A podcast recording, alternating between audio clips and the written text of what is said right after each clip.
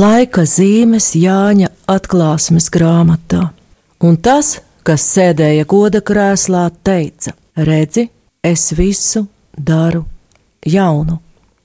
Ēterā atkal stēla. Iepriekšējā raidījumā mēs centāmies izsekot, kā Kristus, uzvarējušais jērs, atver cilvēces vēstures zīmogus, un kā cilvēces vēsturē ienāk pārbaudījumi, kurus ir izraisījis ne jau dieva atriebības kāra vai atmaksa, bet paša cilvēka grēks. Un redzējām, ka atverot debesīs šo septiņto zīmogu, kad iestājas pusstundas klusums, parastais laika plūdums tiek it kā pārtraukts, ka šis septītais zīmoks ievada nākamo pārbaudījumu sēriju, jeb septiņu bazūņu redzējumu.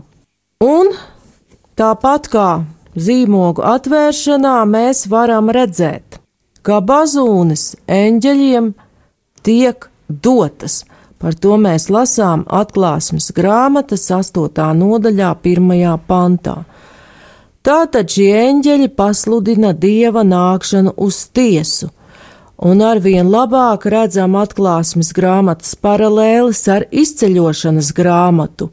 Un tad mēs atklāsmes grāmatā neredzam vairs nesaprotamu pasaules pēdējo dienu nelaimju kompendiju, bet jauno izceļošanu no grēka verdzības Ēģiptes uz apsolīto zemi paša dieva tuvumā.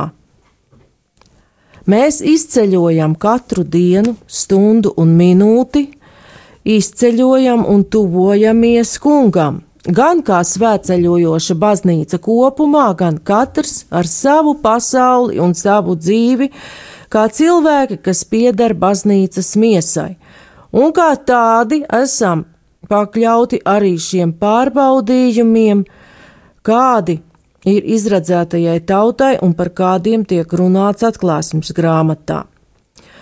Atklāsmes grāmatas 8. un 9. nodaļā redzami pārbaudījumi, ko atnes pirmo piecu eņģeļu bazūnes.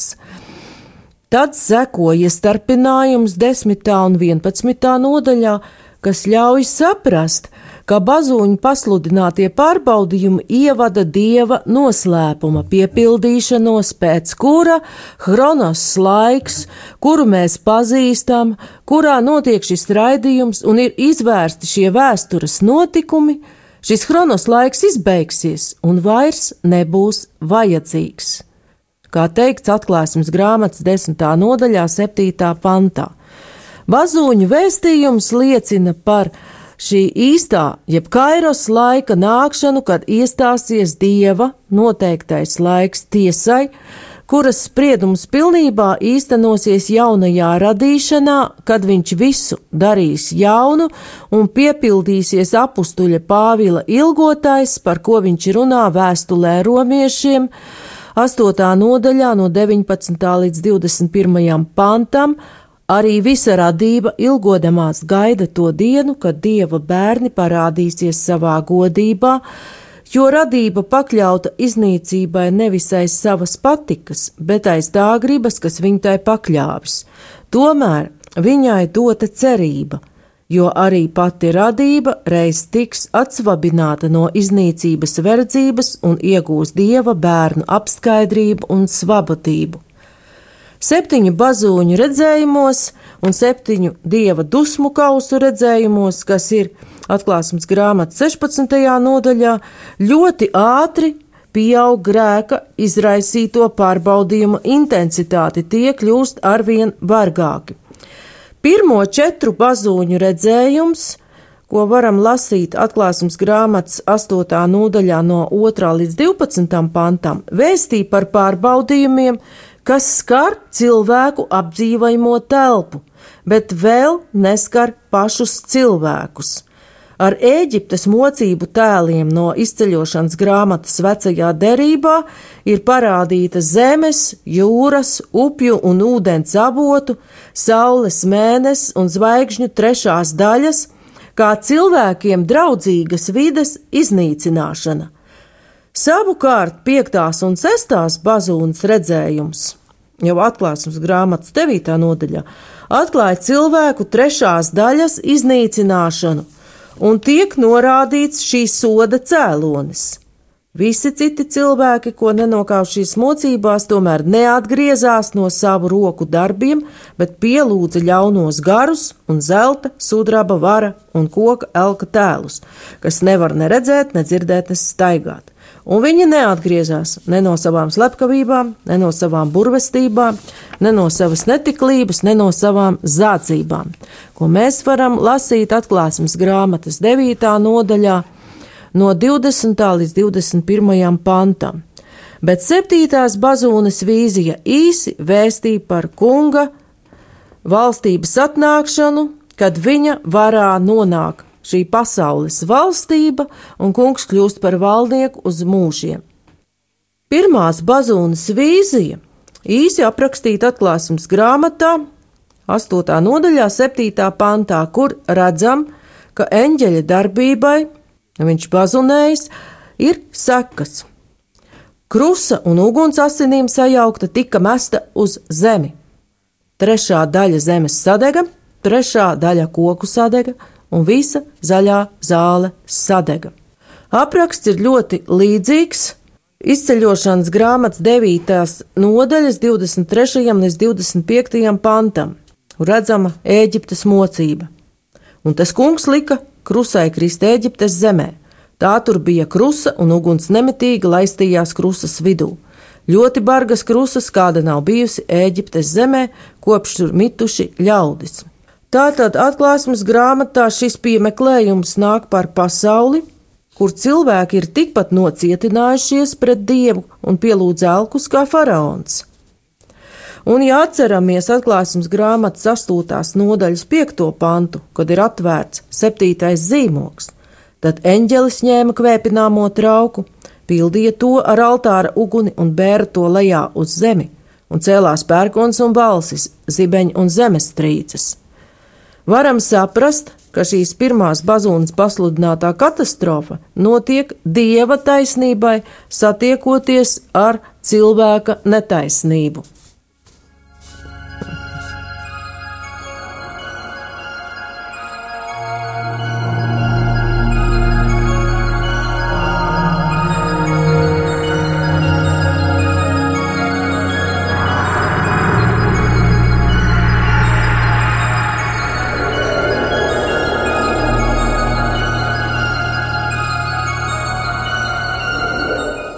Otrās bazūnas atnestā mocība aprakstīta atklāsmes grāmatas 8. pantā no 8. nodaļā no 8. līdz 9. pantam, un otrais eņģēlis bazūnai un kā liels kalns degošs ugunīs tika gāsts jūrā.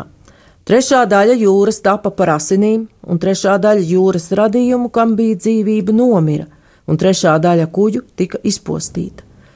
Ugunīs degošais kalns ir eņģeļa simbols, kas bieži atkārtojas Enoha grāmatā, kas pieder pie apakrifiem, un kas sarakstīta apmēram pusotru gadsimtu pirms Kristus, un tur, tāpat kā atklāsmes grāmatā, aprakstīta demonisko spēku cīņa pret dieva taisnību. Un šajā tradīcijā kritušie eņģeļi tiek attēloti kā ugunīs degoši kalni, krītošas zvaigznes vai lielas uguns masas, Un arī pats Jēzus Lūkas evanģēlijā 10. nodaļā 18. pantā saka: Es redzēju sātanu kā zibeni no debesīm krītam. Savukārt atklāsmes grāmatā 12. nodaļā 9. pantā redzam sātana nomešanu uz zemi. Lielais pūķis, vecā čūska, to sauc par velnu un sātanu, kas pieviļ visu pasauli, tapa gāsts. Viņš tika nomests uz zemi, un līdz ar viņu tā eņģeļi. Senie baznīcas tēvi kalnā redz sātanu, jūra ir pasaule. Atcerēsimies, ka jūdiem jūra bija ļaunuma simbols. Asinis. Te nav runa par atpestījušām vai upura asinīm, bet var saprast, ka par tādām, kāda, kādas atnesa viena no Ēģiptes mocībām, par kuru varam lasīt izceļošanas grāmatā 7. nodaļā no 17. līdz 21. pantam, kuras nobeidz visu dzīvo. Un tur lasām, tad Mozus un Ārons darīja tā, kā tas kungs bija pavēlējis. Viņš pacēla savu zīzli un sita ūdeni, kas bija upē, faraona un viņa kalpu acu priekšā, un viss ūdens, kas bija upē, pārvērtās asinīs, un zīves upē nobeidzās, un upe smirdēja, un eģiptieši nevarēja dzert ūdeni, kas bija upē, un asinis bija visā Ēģiptes zemē. Tad, tā tad skaidri redzam paralēli ar atklāsmes grāmatā teikto. Baznīcas tēvi šajā atklāsmes grāmatas mocībā ar ūdens pārvēršanos asinīs saredz miesas gudrību, kas garīgi nonāvē cilvēkus. Un šobrīd visapkārt tieši šo procesu mēs redzam. Sātans pasaulē darbojas kā miesas gudrības, ērtību, labklājības, cilvēka visvarenības un visatļautības solītājs. Šajā visatļautībā solītā greizā brīvība noved pie sekām, un notikumi apkārt parāda, ka sātana piedāvātā prece ir nāvējoša gan tieši, gan garīgā nozīmē. Cilvēki zemēs, kas reiz bija kristīgas, jauc patiesību ar meliem, pakļaujas pašu pasludinātu vērtību sistēmai, kas ļoti bieži ir klajā pretrunā ar dieva likumu, bet izdevīga nelielai cilvēku saujiņai, kas kļūst arvien bagātāki, Mirst gan dzīvā daba, gan iznīks cilvēki, un arī šodien jau lielu tautu masas ir pie Eiropas durvīm, jo maz ir kristum un viņa likumam uzticīgo eiropiešu. Trešajā bazūnē, par ko runāts atklāsmes grāmatas 8. nodaļā, 10. līdz 11. pantam, Atkal redzam līdzīgu simbolu, un trešais eņģēlis bazūnēja, un no debesīm krita liela zvaigzne degdama kā lāpa. Tā krita uz upju un ūdens avotu trešo daļu, zvaigznes vārds saucās apsīns, un trešā daļa ūdeņu tapa par vērmelēm. Nomira daudz cilvēku no ūdeņiem, jo tie bija tapuši rūkti.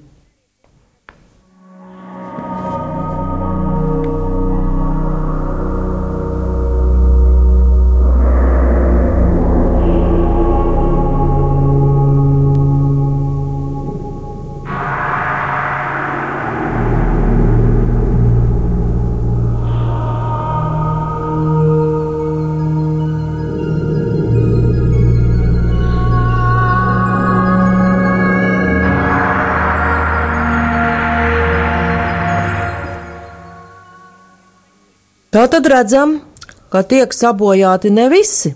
Tad atkal viena trešā daļa ūdeņu, un pēc simbola saprotam, ka atkal ir atainots sātans, bet ar citu tēlu, ar krītošo zvaigzni. Baznīcas tēvi atkal piedāvā garīgo skaidrojumu. Krītošā zvaigzne ir herētiķu atkritēju simbols, kas sagroza svētos rakstus un izturas, būdami draudzē, kā aprakstīts jūdas vēstulē, pirmajā nodaļā, 10, 12 līdz 13 pantam. Bet šie zaimo visi, ko tie nesaprot. Turpretī visās tais lietās, kuras tie izprot dabīgi, līdzīgi neprātīgiem dzīvniekiem, tie iet bojā kā kora. Viņi ir kauna traipi, jūsu mīlestības mīlestos, bez bijības mielodamies līdz ar jums, sevis pašu ganītāji, vēja dzenāti bezūdens mākoņi, koki, kas rudenī bez augļiem, divkārt miruši, izrauti ar sakanēm, trakojošas jūras bangas, kas izgāž putās, savu pašu kaudu, nomaldījušās zvaigznes, kam lemta mūžīgā galējā tumsa. Zvaigznes vārds vērmele norāda uz to, ka tā spēja padarīt saldos ūdeņus, tātad upes mēs redzam, Ūdens avoti, tātad parasti tie ir sal saldie ūdeņi. Ka šī vērmele spēja padarīt saldos ūdeņus rūktus un nāvējošus. Tātad baznīcas tēvu skaidrojums ir ļoti aktuāls. Daži atkritušie, vai tādi, kas labprāt ir uh, tādās kompromisu attiecībās ar pasauli, var neuzkrītoši sabojāt daudz labu ūdeņu baznīcā. Savas herēzes idejas attiecībā uz rakstiem un baznīcas mācību pasniedzot ļoti pieņemami un skaisti kā tālāk atklāsmes grāmatas 13. nodaļā, 12. pantā mēs varēsim lasīt ragi kā jēram, bet runā kā pūķis. Šobrīd redzam, ka arī grēkam tiek piemeklēti dažādi attaisnojumi, aizbildinoties ar Bībeles senumu, citu kultūru, un tiek īstenoti centieni grēku, Bībeli tulkot toleranti, lai attaisnotu grēku. Ceturtā baznī, bazūne atklāsmes grāmatā 8. nodaļā no 12. līdz 13. pantam ļoti īsi dokumentē. Un ceturtais eņģēlis bazūdēja, un trešā daļa saules, un trešā daļa mēnesis, un trešā daļa zvaigžņu aptumšojās. To trešā daļa tapa tumša, un dienas trešā daļa nespīdēja, un nakts tāpat. Pēc tam es redzēju un dzirdēju ērgli, laižamies pa debesu vidu un saucam skaņā balsī. Vai, vai, vai zemes iedzīvotājiem trīs citu eņģeļu bazūņu skaņu dēļ, kas vēl bazūnēs? Arī šeit redzam paralēli ar vienu no Ēģiptes mocībām. Izceļošanas grāmata, 10. nodaļa, 21. līdz 22. pants. Un tas kungs sacīja uz mūzu: Izstiep savu roku pret debesīm, ka nāktu tumsa pār Ēģiptes zemi. Tāda tumsa, ka to ar rokām var grābt. Un Mūzus izstiepa savu roku pret debesīm, un bija bieza tumsa visā Ēģiptes zemē trīs dienas. Te atklāsmes grāmatas autors nenorāda nekādu ne kalnu, zvaigzni vai kādu konkrētu objektu, kas izraisa šo tumsu, bet tikai konstatē faktu, ka ir pēc eņģeļa bazūnes aptumšojis šīs zvaigznes, mēnesis, saule un varam saprast, ka arī šie procesi ir uz zemi nogāztā sātana un viņa sekotāju izraisīti. Tātad cieš visa radība, un kā vēstulē romiešiem saka Pāvils, ko jau citēju, nopūstamās gaida atsvabināšanu. Un atceroties baznīcas tēvu skaidrojumu, mēs varam saprast, ka sekošana pasaulīgai, jeb miesas gudrībai, samaitā cilvēkā to, kas viņā ir dieva ielikts, aptumšo viņā šo mūžīgā dieva tēlu un iestājas tumsa, kurā labs un ļauns tiek sajaukts, jo cilvēks pakļaujoties miesas gudrībai ir miris un akls pat, ja formāli skaitās baznīcu baznīcai piederīgs. Un šāds cilvēks jau atstāja arī sekas apkārtējā vidē. Un tad jau varam caur atklāsmes grāmatas šo četru bazūņu redzējumu prizmu palūkoties uz to, kas notiek apkārt. Šobrīd pat valstu vadītāji, kaut arī kūtri un dažādu savu interešu pavadā tomēr sāk runāt par cilvēka negausīgo patērēšanu un vardarbību pret pasauli, un šai gadījumā mēs saprotam, ka tā ir Dieva radītā pasaule, kura bija mums uzticēta, lai mēs to koptu un sargātu. Tātad šai pārvaldībai bija jāizpaužas kā kopšanai un sargāšanai, nevis izmantošana it kā mēs paši pasauli būtu radī, radījuši. Šīs sekas ir tomēr redzamas, un cilvēki jūt nepieciešamību tās ierobežot, bet mēģina to darīt saviem spēkiem. Un Varam saprast, ka šī negausīgā miesas prāta diktētā patērniecība ir rūkta atkrišana no kunga un pievēršanās citiem dieviem, kas padara dzīvi uz zemes arvien nedrošāku un pakļauj cilvēci Ēģiptes mocībām, līdzīgajiem pārbaudījumiem. Tātad cēlonis tam, par ko brīnāmies, no kā baidāmies un par ko uzdodam jautājumus, slēpjas cilvēka sirds dziļumos, kur viņš izšķiras par vai pret dievu. Un arī pārbaudījums tiek pieļauts, lai uzmodinātu šos dziļumus un cilvēks beidzot atvērtu tos dievam. Nemaz tik sen vēl nebija iedomājams smogs, ka cilvēki rūpnīcu izmešu dēļ slimo un mirst, nevar iet uz ielas bez maskas, ka šis cilvēku rūpnieciskā potenciāla radītā netīrība aizēno saules spožumu, tas kļūst blāvs un ir elpot nepanesami. Nebija iedomājami netīri, ķīmiskām vielām piesārņoti, nelietojami ūdeņu, armiju, poligonu piesārņojumi, kodola atkritumi, kā tie ir šodien. Un varam paskatīties arī paši uz sevi savos atkritumu spaiņos, cik tur ir plastmasas maisu, kas gadu desmitus dabā nesadalās, vai tiešām viss, ko tajos salikām, bija noteikti nepieciešams, un vai vienmēr ir jāņem jauns maiss, cik tīrāmo līdzekļu izmantojam, kuri pēc tam nonāk ūdeņos un tos sabojā, cik dzīvo radību un to sugu ir iznīkušas, pat īsti nezinām, un tas ir noticis šīs cilvēka darbības rezultātā. Tāda cilvēka, kuru ir vadījis miesas prāts.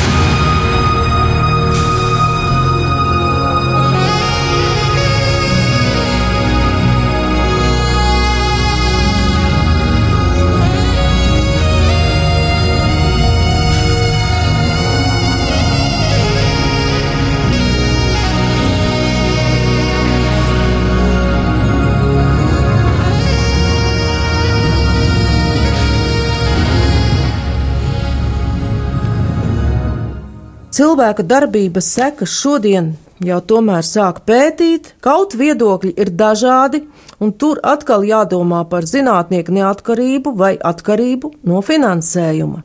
Jau minēju, jūra, kurā iekrīt degošais kalns jeb sātans, baznīcas tēvu skatījumā ir pasauli. Un kā šis sekošana miesas prātam darbojas, mēs varam redzēt kaut no ļoti neliela piemēra. Kā parādās necienīga attieksme pret kunga dāvanām, peļņas un patērēšanas vārdā, jo cilvēks dažādām metodēm tiek piedabūts pirkt vairāk nekā viņam vajag un nekā viņš spēj patērēt.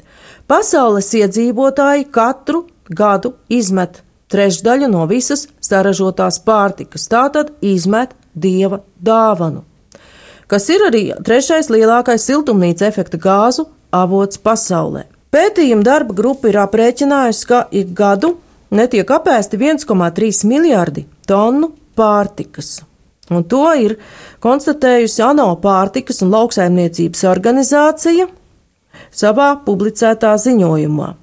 Salīdzinājumam šī pārtikas masa ir aptuveni tikpat liela kā ūdens tilpums, kas gada laikā aiztek pa Eiropas garī, garāko upi Volgu.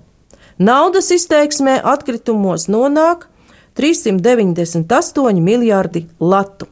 Materiāli tā publicēšanas brīdī vēl bija lati. Un līdzīgi notiek ar daudzām citām lietām, aizmirstot vecajā derībā kunga teikto. Atkārtotā likuma grāmata, 8. nodaļa, 17. līdz 19. pants. Tad nesaki viss savā sirdī. Mans spēks un mans rokas stiprums ir man šo bagātību devis, bet piemini to kungu, savu dievu, ka viņš ir tas, kas dod tev spēku, iemantot bagātību, lai apstiprinātu savu derību, ko viņš ar zvērestu bija apsolījis taviem tēviem, kā tas šodien ir. Bet Ja tu aizmirsīsi to kungu, savu dievu, sekosi citiem dieviem un tiem kalposi un viņu priekšā metīsies zemē, tad es jau šodien apliecinu, ka jūs nīktin iznīksit. Un šobrīd mēs redzam caur labklājību un tās pielūgsmi, ka ir šī sekošana citiem dieviem un redzam šo iznīkšanu labklājības valstīs, jo cilvēki noveco, jauno nav, un arī Latvijā daudzas vietas paliek tukšas un mirušo ir vairāk kā jaundzimušo. Tad Dieva vārds atbild uz šo jautājumu, kāpēc arī caur četru bazuņu redzējumu. Un šis pārbaudījumi, kas nāk kā sekas cilvēka grēkam, nav nekas jauns. Dievs ir jau vecajā derībā kurai ir ļoti cieša saikne ar atklāsmes grāmatu, cilvēkus brīdinājis, kas seko, ja kunga dotie likumi netiek ievēroti un cilvēks novēršas no kunga.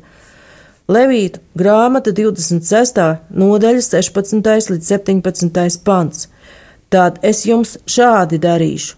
Es likšu nākt pār jums izbailēm, dilonim un karstumam, kas acis aptumšo un dvēseli nomāca un veltīgi jūs sēsit savu sēklu, un jūsu ienaidnieki ēdīs jūsu maizi. Un es dusmās celšu savu vaigu pret jums, ka jūs tiksit savu ienaidnieku sakauti, un jūsu nīdējiem būs pār jums valdīt no augšas, un jūs bēgsit, un nebūs neviena, kas jūs vajā. Tā tad, ielūkojoties pat šai īsajā vecās derības fragmentā, mēs varam saprast, ka pārbaudījumi, kas aprakstīti atklāsmes grāmatā, un septiņu bazuņu pasludinātie pārbaudījumi, kā jau minēju, vēl runā tikai pa vienas trešās daļas, tātad daļēju cilvēku apdzīvojamās telpas iznīcināšanu. Tad šie pārbaudījumi ir loģiskas sekas cilvēku dzīves veidam, jo cilvēkos miesas prāts ir radījis šo tumsu, kas neļauj saskatīt dievu un pildīt viņa likumu. Pēc četru eņģeļu bazūņu skaņu ievadītajiem pārbaudījumiem seko īsts teikums atklāsmes grāmatas 8. nodaļā, 13. pantā. Pēc tām es redzēju un dzirdēju ērgli, laižamies pa debesu vidu un saucam skaņā balsī vai, vai, vai zemes iedzīvotājiem trīs citu eņģeļu bazūņu skaņu dēļ, kas vēl bazūnēs. Tātad šis īsais teikums ievada pēdējo trīs bazūņu redzējumu, kur būs runa par to, ka dieva pārbaudījumu jau skar cilvēkus, un tiek iznīcināta jau kāda daļa cilvēku, bet šiem pārbaudījumiem mēs pievērsīsimies pēc nedēļas. Ar jums kopā bija Stela.